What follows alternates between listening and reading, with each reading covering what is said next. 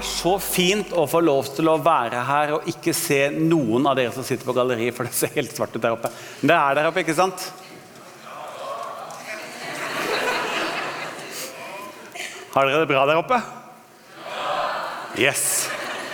Det er nydelig. Jeg tror dere er spesielt høyt elsket. Hvis jeg bare si det, bare så dere vet det. Så ta det til dere alle sammen helt personlig.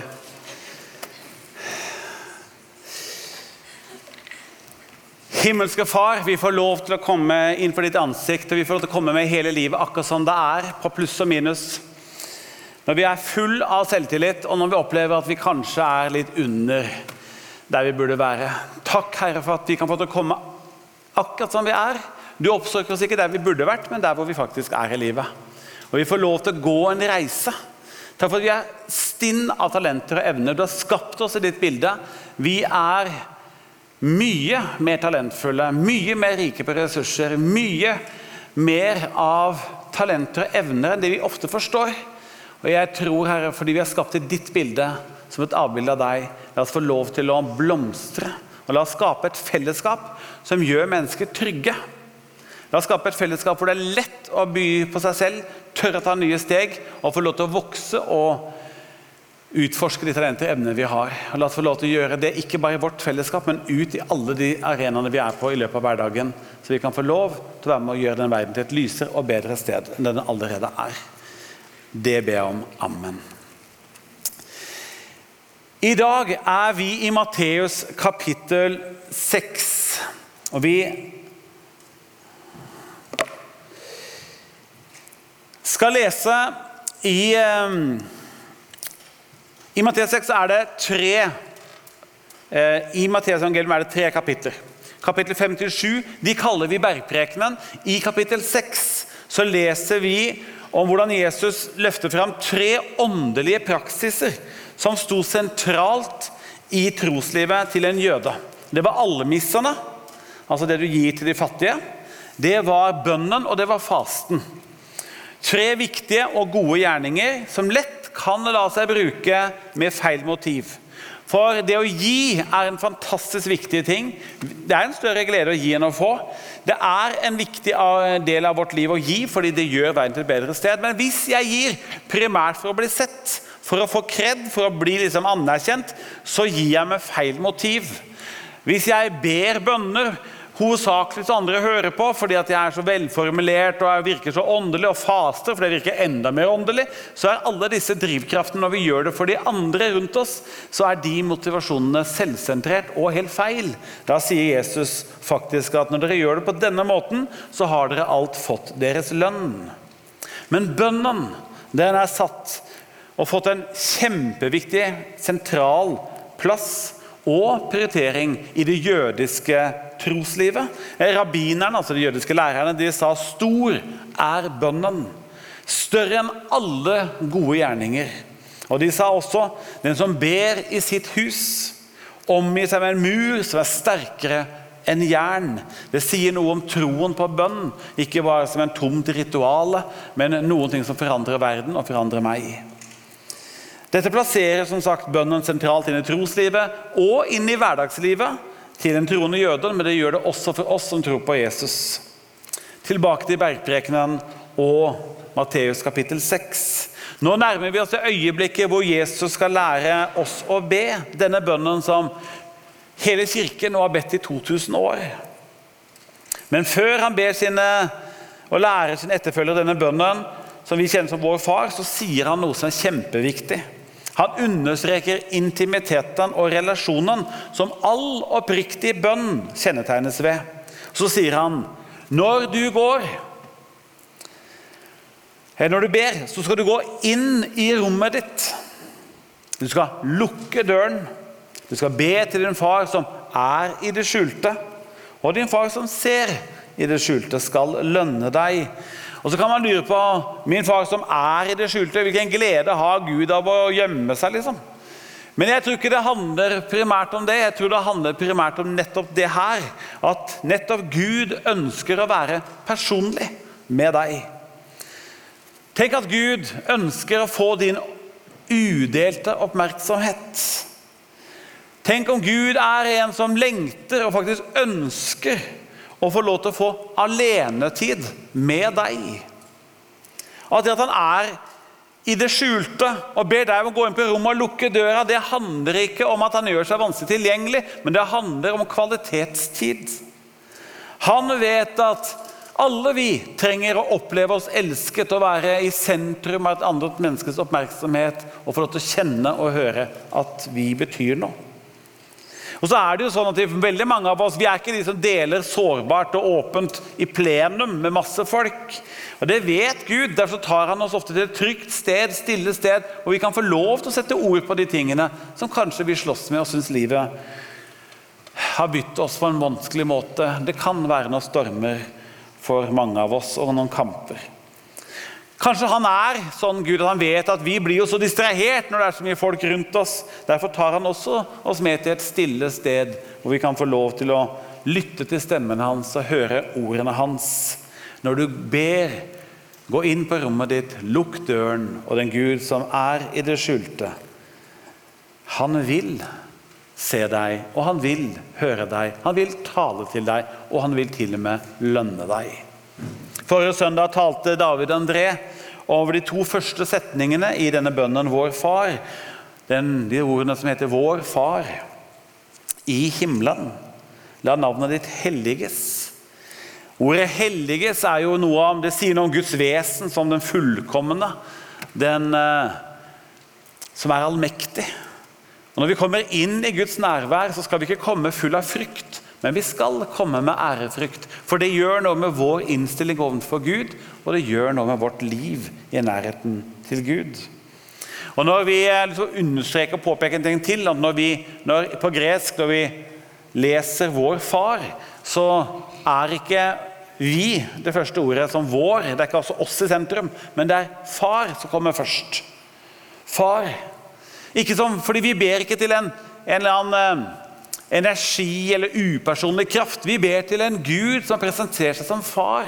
Som har sagt at 'jeg er din far, jeg elsker deg, og jeg kan aldri glemme deg', 'og jeg klarer aldri å slippe tak i deg'. Den Gud er det vi retter vår bønn til. Det er den Gud vi oppsøker når vi ber. Så skal vi da kikke på de to neste setningene nå i Vår Far, og det er 'La riket ditt komme'. Og la viljen din skje på jorden slik som i himmelen. Og den første setningen La riket ditt komme. Når Jesus skal lære oss denne bønnen, så har jeg lyst til å bare minne deg på at de som han lærer denne bønnen, det var primært i første rekke disiplene, de etterfølgerne sine. Det var de han lærte denne bønnen til. Og Han tydeliggjør det i begynnelsen av bergprekenen. Der står det i Matteus 5.: Da han så folket, gikk han opp i fjellet. Og Det gjorde han fordi at de trykket på, de hadde lyst til å ha all tiden hans, og han valgte noen ganger å gå avsides. Og da, Der satte han seg, og hans disipler kom til ham. Og han tok til orde, lærte dem og sa. Lukas forteller oss at Jesus lærte dem denne bønnen som et svar på en konkret og direkte spørsmål fra en av hans disipler, som sa, 'Herre, lær oss å be'. Og Derfor kan det hende at det er nyttig og viktig at vi tenker på oss selv som disipler, etterfølgere av Jesus, for at vi skal forstå hjertet bak det vi nå skal se på. Når vi ber denne bønnen, Fader vår eller Vår Far, som heter en ny språkdrakt, så er det en bønn som bringer hele livet vårt inn i Guds nærhet.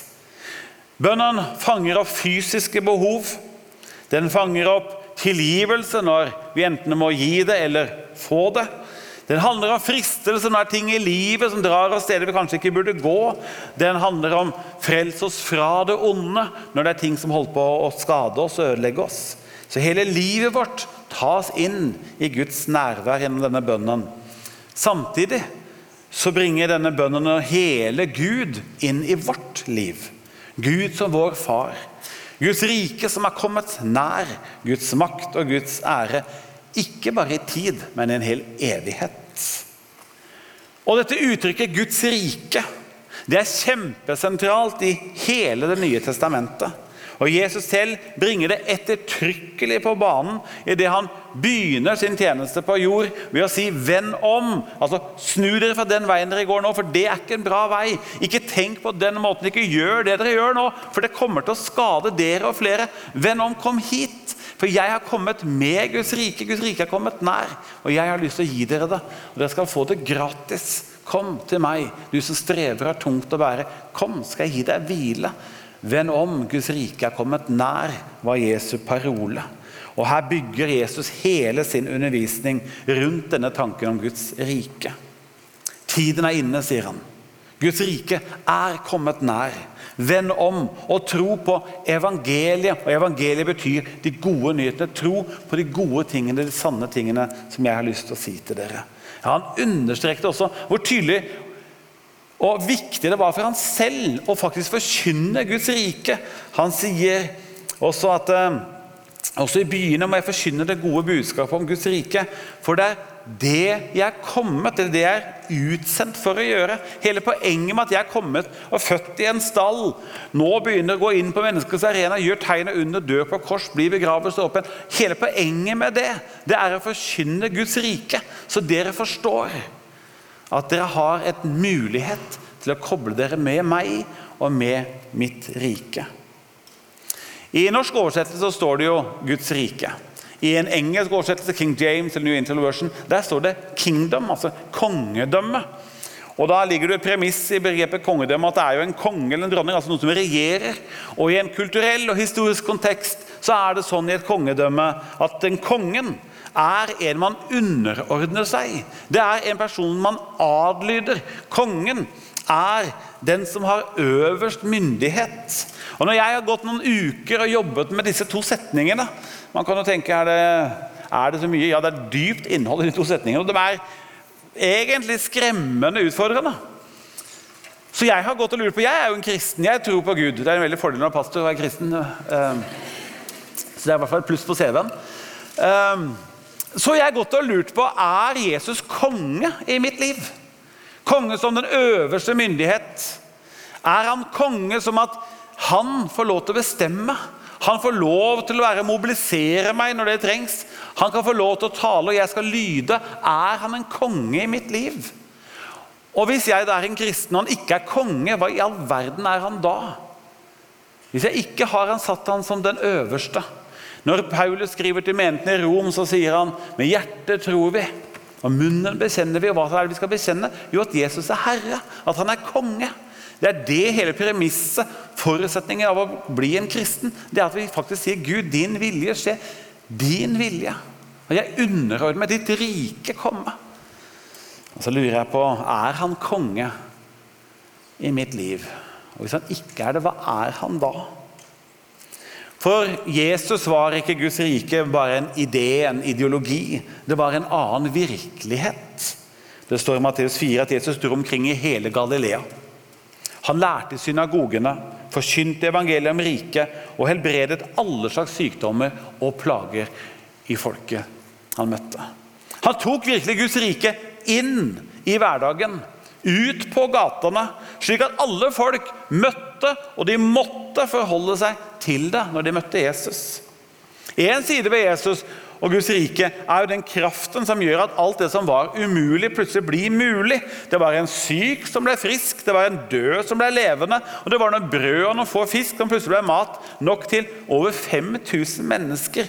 Guds rike var ikke bare en teori. Det var et møte med en annen virkelighet. Og Det var ikke bare mirakeltingene. Det var vel så interessant og tankevekkende når Jesus viste dem at Guds rike det er en annen måte å tenke på. En annen måte å reagere på. En helt annen måte å prioritere og handle og forvalte livet på.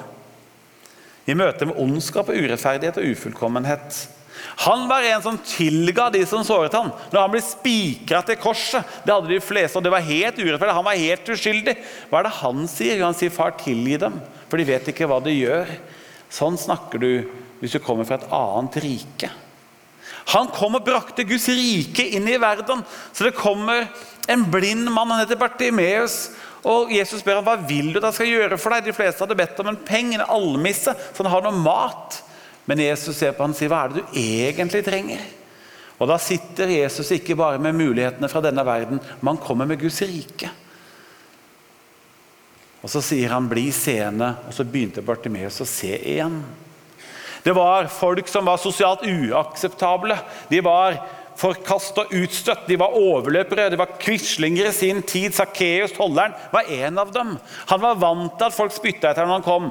Han var vant til at folk snudde ryggen og snakka stygt om ham. Hva er det Jesus gjør? Nei, Han menger seg ikke med dem. Han går rett inn og inviterer seg hjem til Sakkeus. Det er egentlig idiotisk, for det roter til ryktet ditt når du gjør sånn.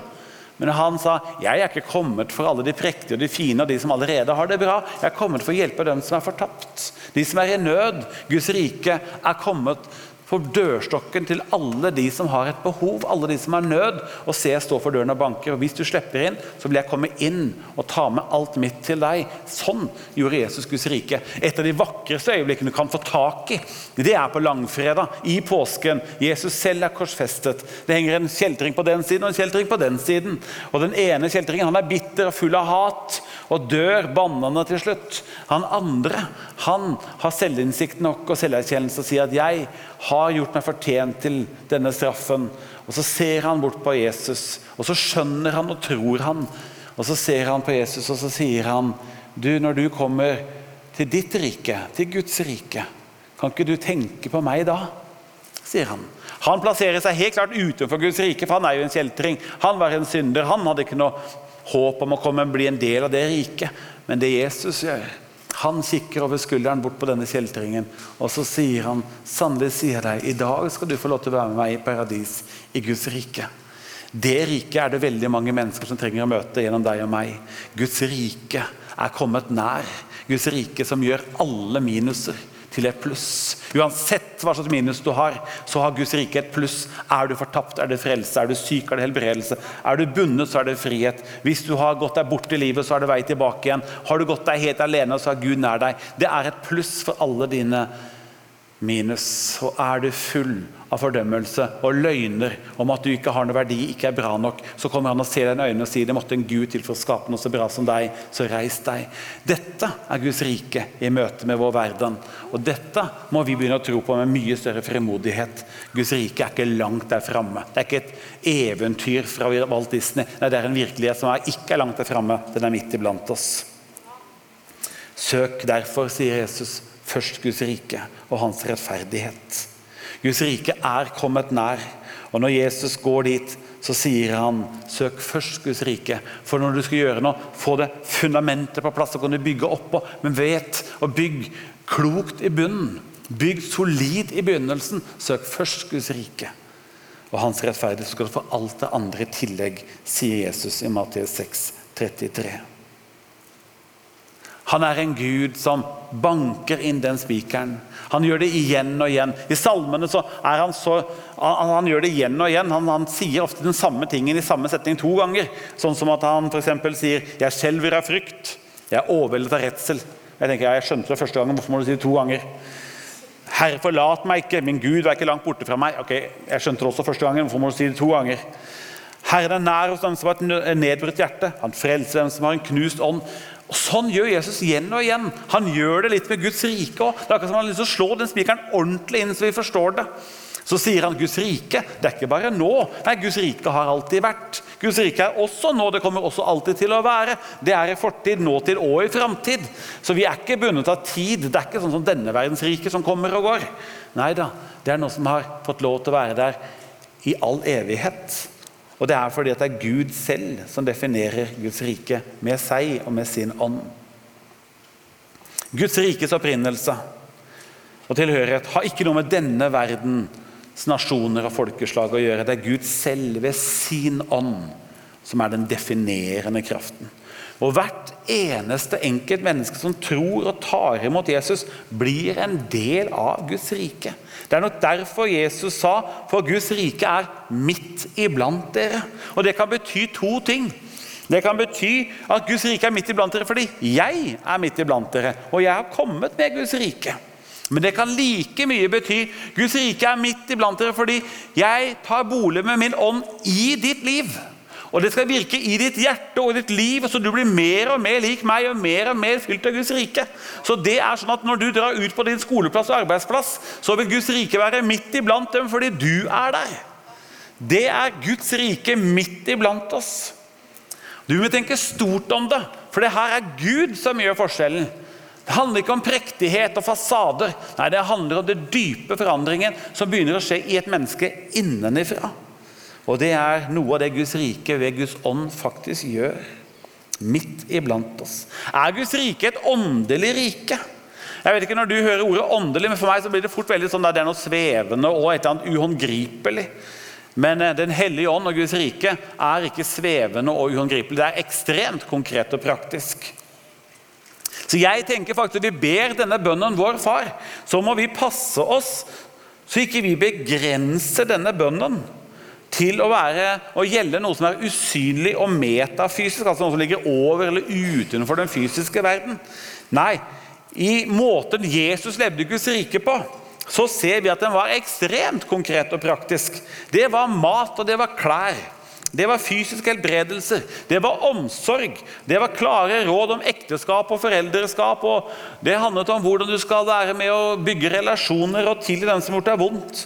Det var søkelys på forvaltning av penger, det var eiendom og talenter og forvaltning av ressurser og alt det du er. Den hellige ånd er praktisk. Så vi trenger kanskje å utvide vår forståelse av hva vi faktisk ber om i vår far. For bønn er ikke å få Gud til å gjøre det vi vil. Nei, bønn det er egentlig å være med å få Gud til å gjøre det han selv vil. Og i den prosessen når jeg ber, så skal ikke du bli overrasket hvis Gud faktisk gjør deg til instrumentet for å utrette hans vilje på jord. At du selv fort kan bli bønnesvaret. Det er konkret. Men når jeg sier dette, så har jeg også lyst til å si at vi må heller ikke begrense Guds rike til kun handle om fysiske behov, materielle ting og ting som handler om tid. For det Guds rike går utapå dette. Det går dypere, og høyere og lenger enn dette. Og husk at Gud har skapt deg ikke av bare materielle ting. Du er også skapt med ånd, så du går også utenpå det som er fysisk. De første kristne de fortsatte etter Jesu eksempel å leve ut dette praktisk og konkret. Guds rike ble tatt ut på gatene, ut i nabolagene, arbeidsplassene, torget og tempelet. Det ble tatt med til de fattigste, de mest sårbare i samfunnet. Det skapte reaksjoner når Guds rike og kirken kom ut. Både motstand og beundring. Det står i Apostelens gjerninger 5 at ingen våget å slå seg sammen med dem, men folket satte dem høyt. Apostelens gjerninger 8, bare tre kapitler senere, samme dag brøt det løs kraftig motstand eller forfølgelse mot menigheten i Jerusalem. Paulus hadde sett gjennom årene hvor lett vi mennesker gjør tro til teori, relasjoner til rutiner. Og så I sitt brev til menigheten i Korint så skriver han Guds rike vet du, det består ikke i ord, nei, det består i kraft. Og Så skriver han til menigheten i Rom Guds rike består ikke i mat og drikke, men i rettferdighet, fred og glede i Den hellige ånd. Og ser du hvordan Guds rike kobles med relasjonen til Gud og frukten av et liv i ånden. Og hvordan han tydelig flytter Guds rike fra å være kun en ideologi eller teori til å bli noe som er dynamisk, levende og med enorm impact på samfunn og mennesker. Og Det er ikke tilfeldig når det står Guds rike består ikke i mat og drikke, men i rettferdighet, fred og glede. Så er det ikke tilfeldig at rettferdighet kommer først. Foran fred og glede. For vår verden vil aldri, tror jeg personlig, kunne bli en god verden uten Guds hjelp.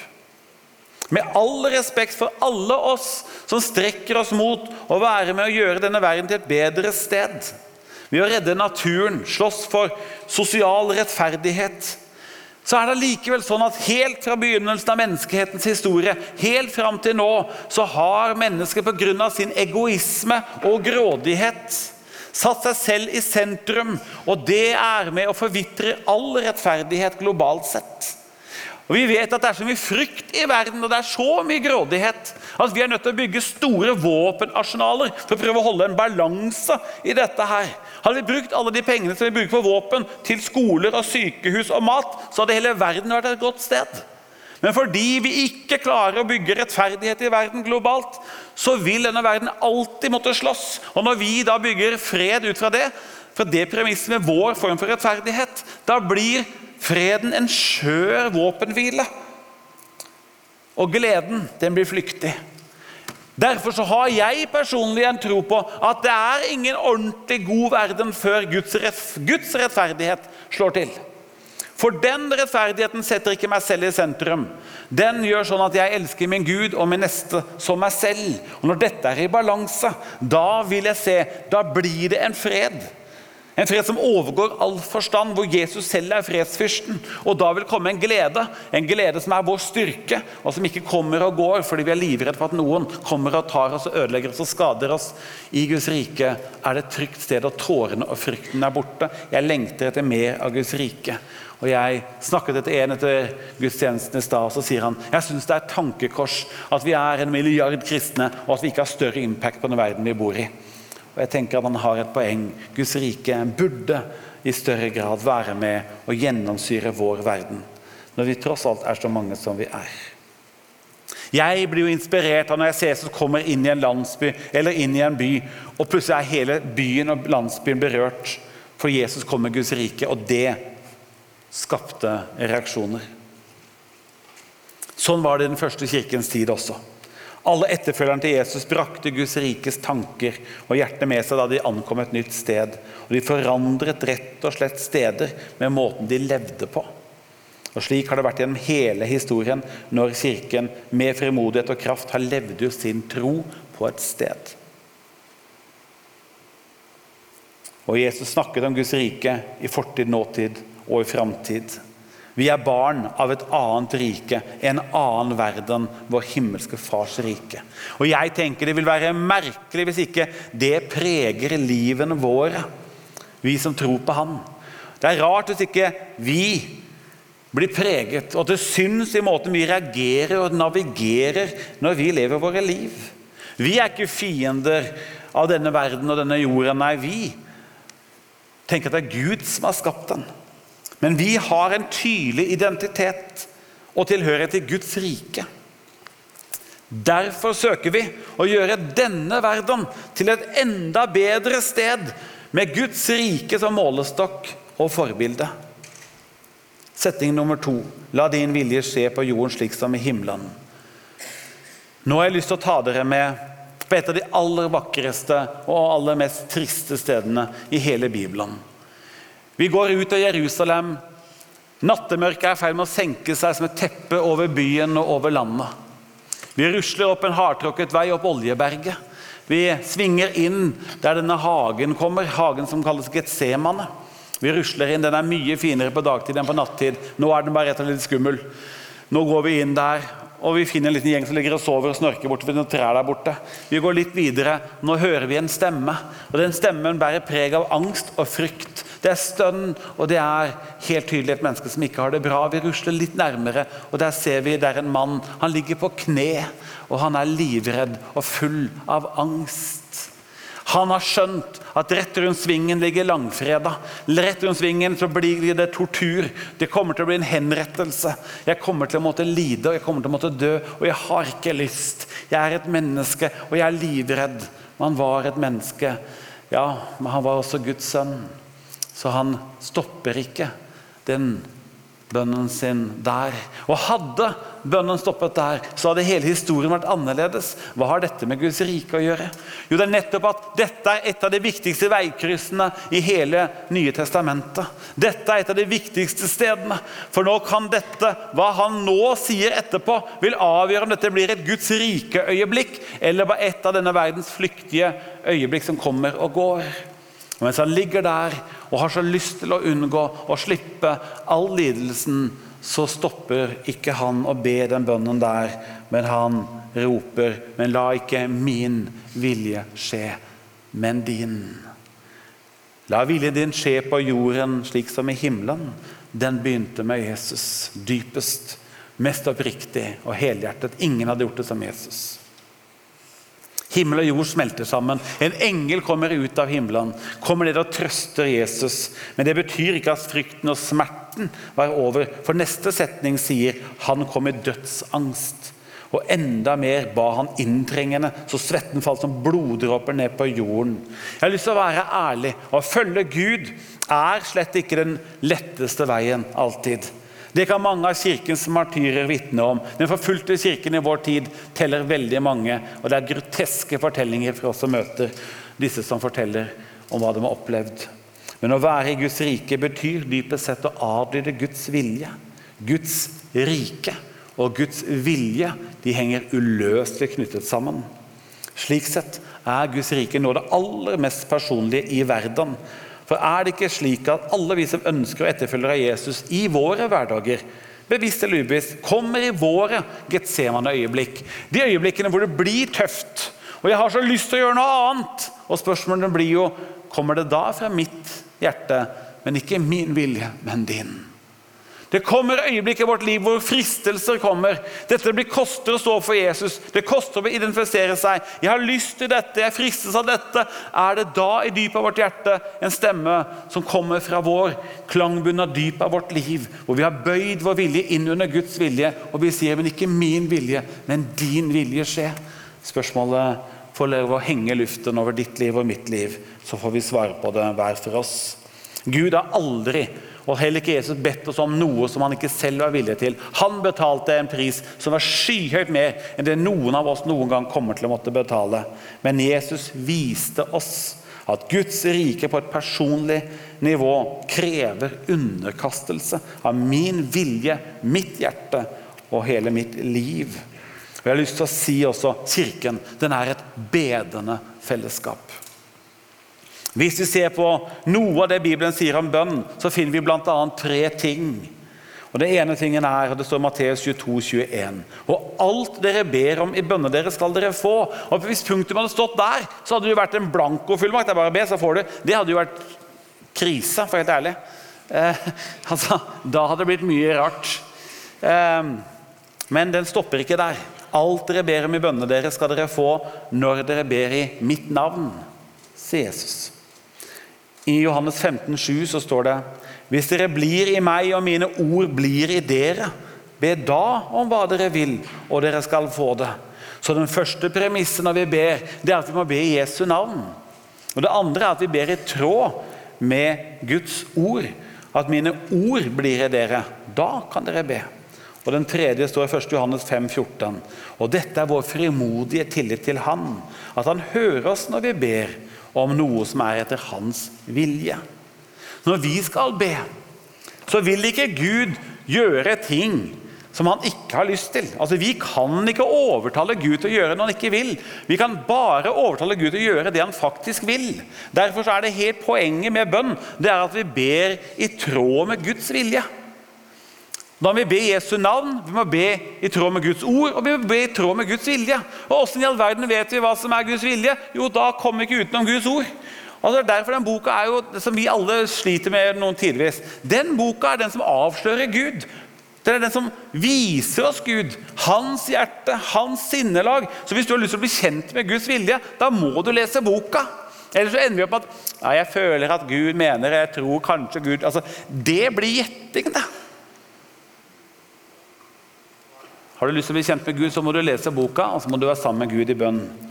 Og Når du gjør det, så vil du oppleve at du skjønner mer og mer og blir mer kjent med Guds vilje. Og da vil Guds rike vokse i ditt liv. Den kinesiske kristne ba den velkjente bønnen Herre, vekk opp din kirke og begynn med meg. Eller hvis jeg omskriver det Herre, kom med ditt rike og begynn med meg. Og så ærlig skal jeg være at han har plenty jobb å gjøre her. altså. Så antagelig holder han på så mye at han rekker når alle kommer til deg. tenker jeg, For her er det mye motstand.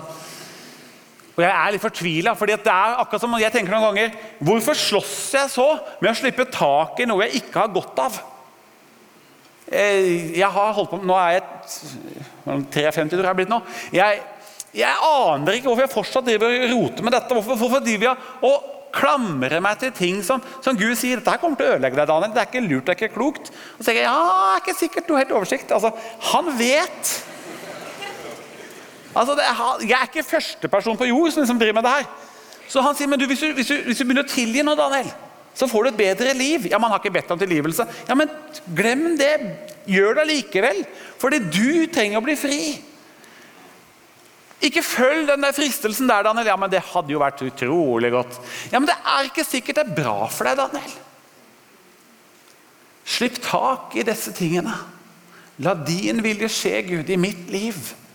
Når det skjer, så vil jeg få lov til å se at Guds rike begynner med meg. Og få lov til å kanskje påvirke deg hvis du er i nærheten av meg. Jeg har lyst til å påstå en ting i dag, og det er at kanskje de viktigste ordene i ditt liv er Gud, far, din vilje skje. Kanskje det er de aller viktigste ordene og de vanskeligste. Far, din vilje skje.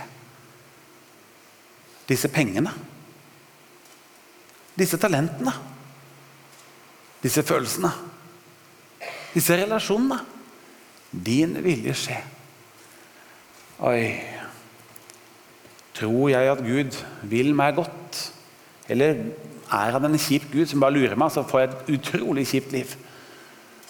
Eller er Gud bare kjærlighet? Hvis han er bare kjærlighet, hva frykter jeg da?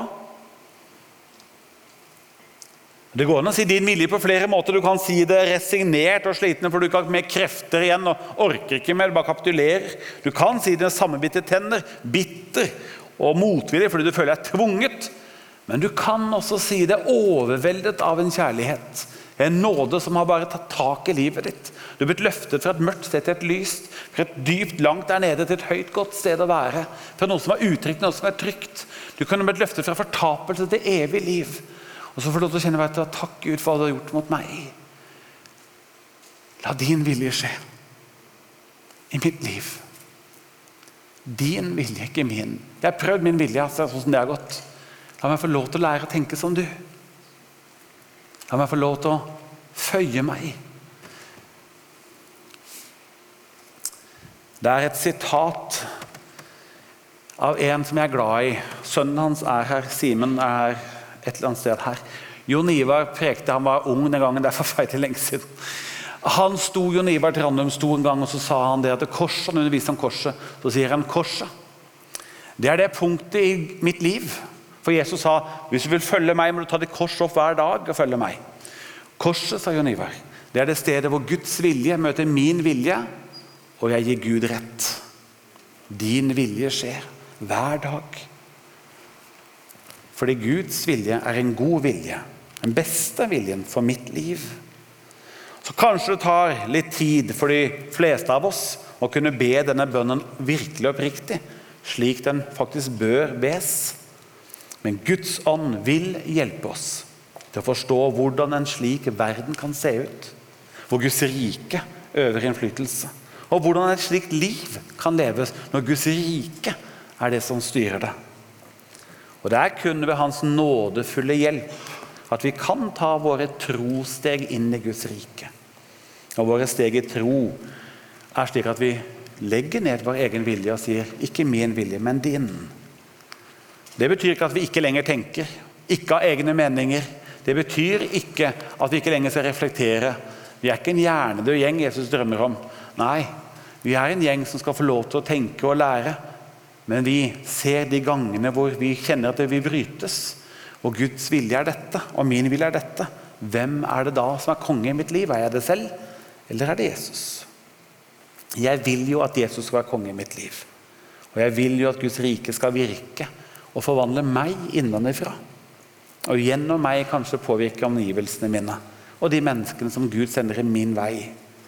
Steg for steg ønsker jeg å bli mer lik Jesus en sånn etterfølger av Jesus, som hver dag i tro og takknemlighet til Jesus løfter opp mitt kors, identifiserer meg med Jesus og lar meg villig bli gjenkjent som en av hans disipler og etterfølgere. Og når min vilje møter Guds vilje, og de ikke er enige, da er det Gud jeg gir rett. Er dette en bønn bare for de mest radikale og brennende etterfølgerne av Jesus, eller er det en bønn som gjelder egentlig alle av oss? Jeg tror det er en bønn som gjelder alle av oss. Ikke en bønn som bes av unge mennesker som ikke skjønner konsekvensen av hva de sier. Nei, det er en bønn for hele livet. Og Jeg har lyst til å minne dere helt til slutt å si Husk at Guds rike det er også et nåderike. Som kun består av mennesker som alle har synda og feila i livet. Og denne bønnen er egentlig kun den naturlige responsen fra en som av Gud har blitt reddet ut av mørket, død og egen fortvilet svakhet. Det er en bønn om Guds rike og Guds vilje og om Guds hjelp til å kunne be og være denne mennesket som lever vår far i praksis. Og jeg tenker vi helt til slutt reiser oss, og så ber vi denne bønnen sammen. Og jeg tenker at la oss be den så helhjertet vi kan. La oss ikke be sånn der vi burde ha vært, men la oss be der vi faktisk er. Og la det få lov til å være en bønn, og tørre å gi litt lyd. Jeg har vært i to gudstjenester før i dag, og de har hvisket den fram før i dag. Eh, men prøv å se for deg at nå sitter Jesus foran deg og lærer deg bønnen, og du har sett hans liv. Du har tatt imot noe av hans godhet og tenker jeg har lyst til å leve som han. Og Hvis han ber den bønnen, ja, da vil jeg be den bønnen. Hvis han levde den måten å leve på, ja, da vil jeg leve den måten å leve på. Og La det ligge der når vi nå ber vår Far sammen. Vår Far i himmelen. La navnet ditt helliges. La riket ditt komme. La viljen din skje på jorden slik som i himmelen. Gi oss i dag vårt daglige brød, og tilgi oss vår skyld, slik også vi tilgir våre skyldnere. Og la oss ikke komme i fristelse, men frels oss fra det onde. For riket er ditt, og makten og æren i evighet. Amen. Du har nå hørt en podkast fra Filadelfia-kirken i Oslo. Vil du vite mer om oss, gå inn på filadelfia.no. Og ikke minst velkommen til å feire gudstjenester med oss hver eneste søndag, enten fysisk eller online.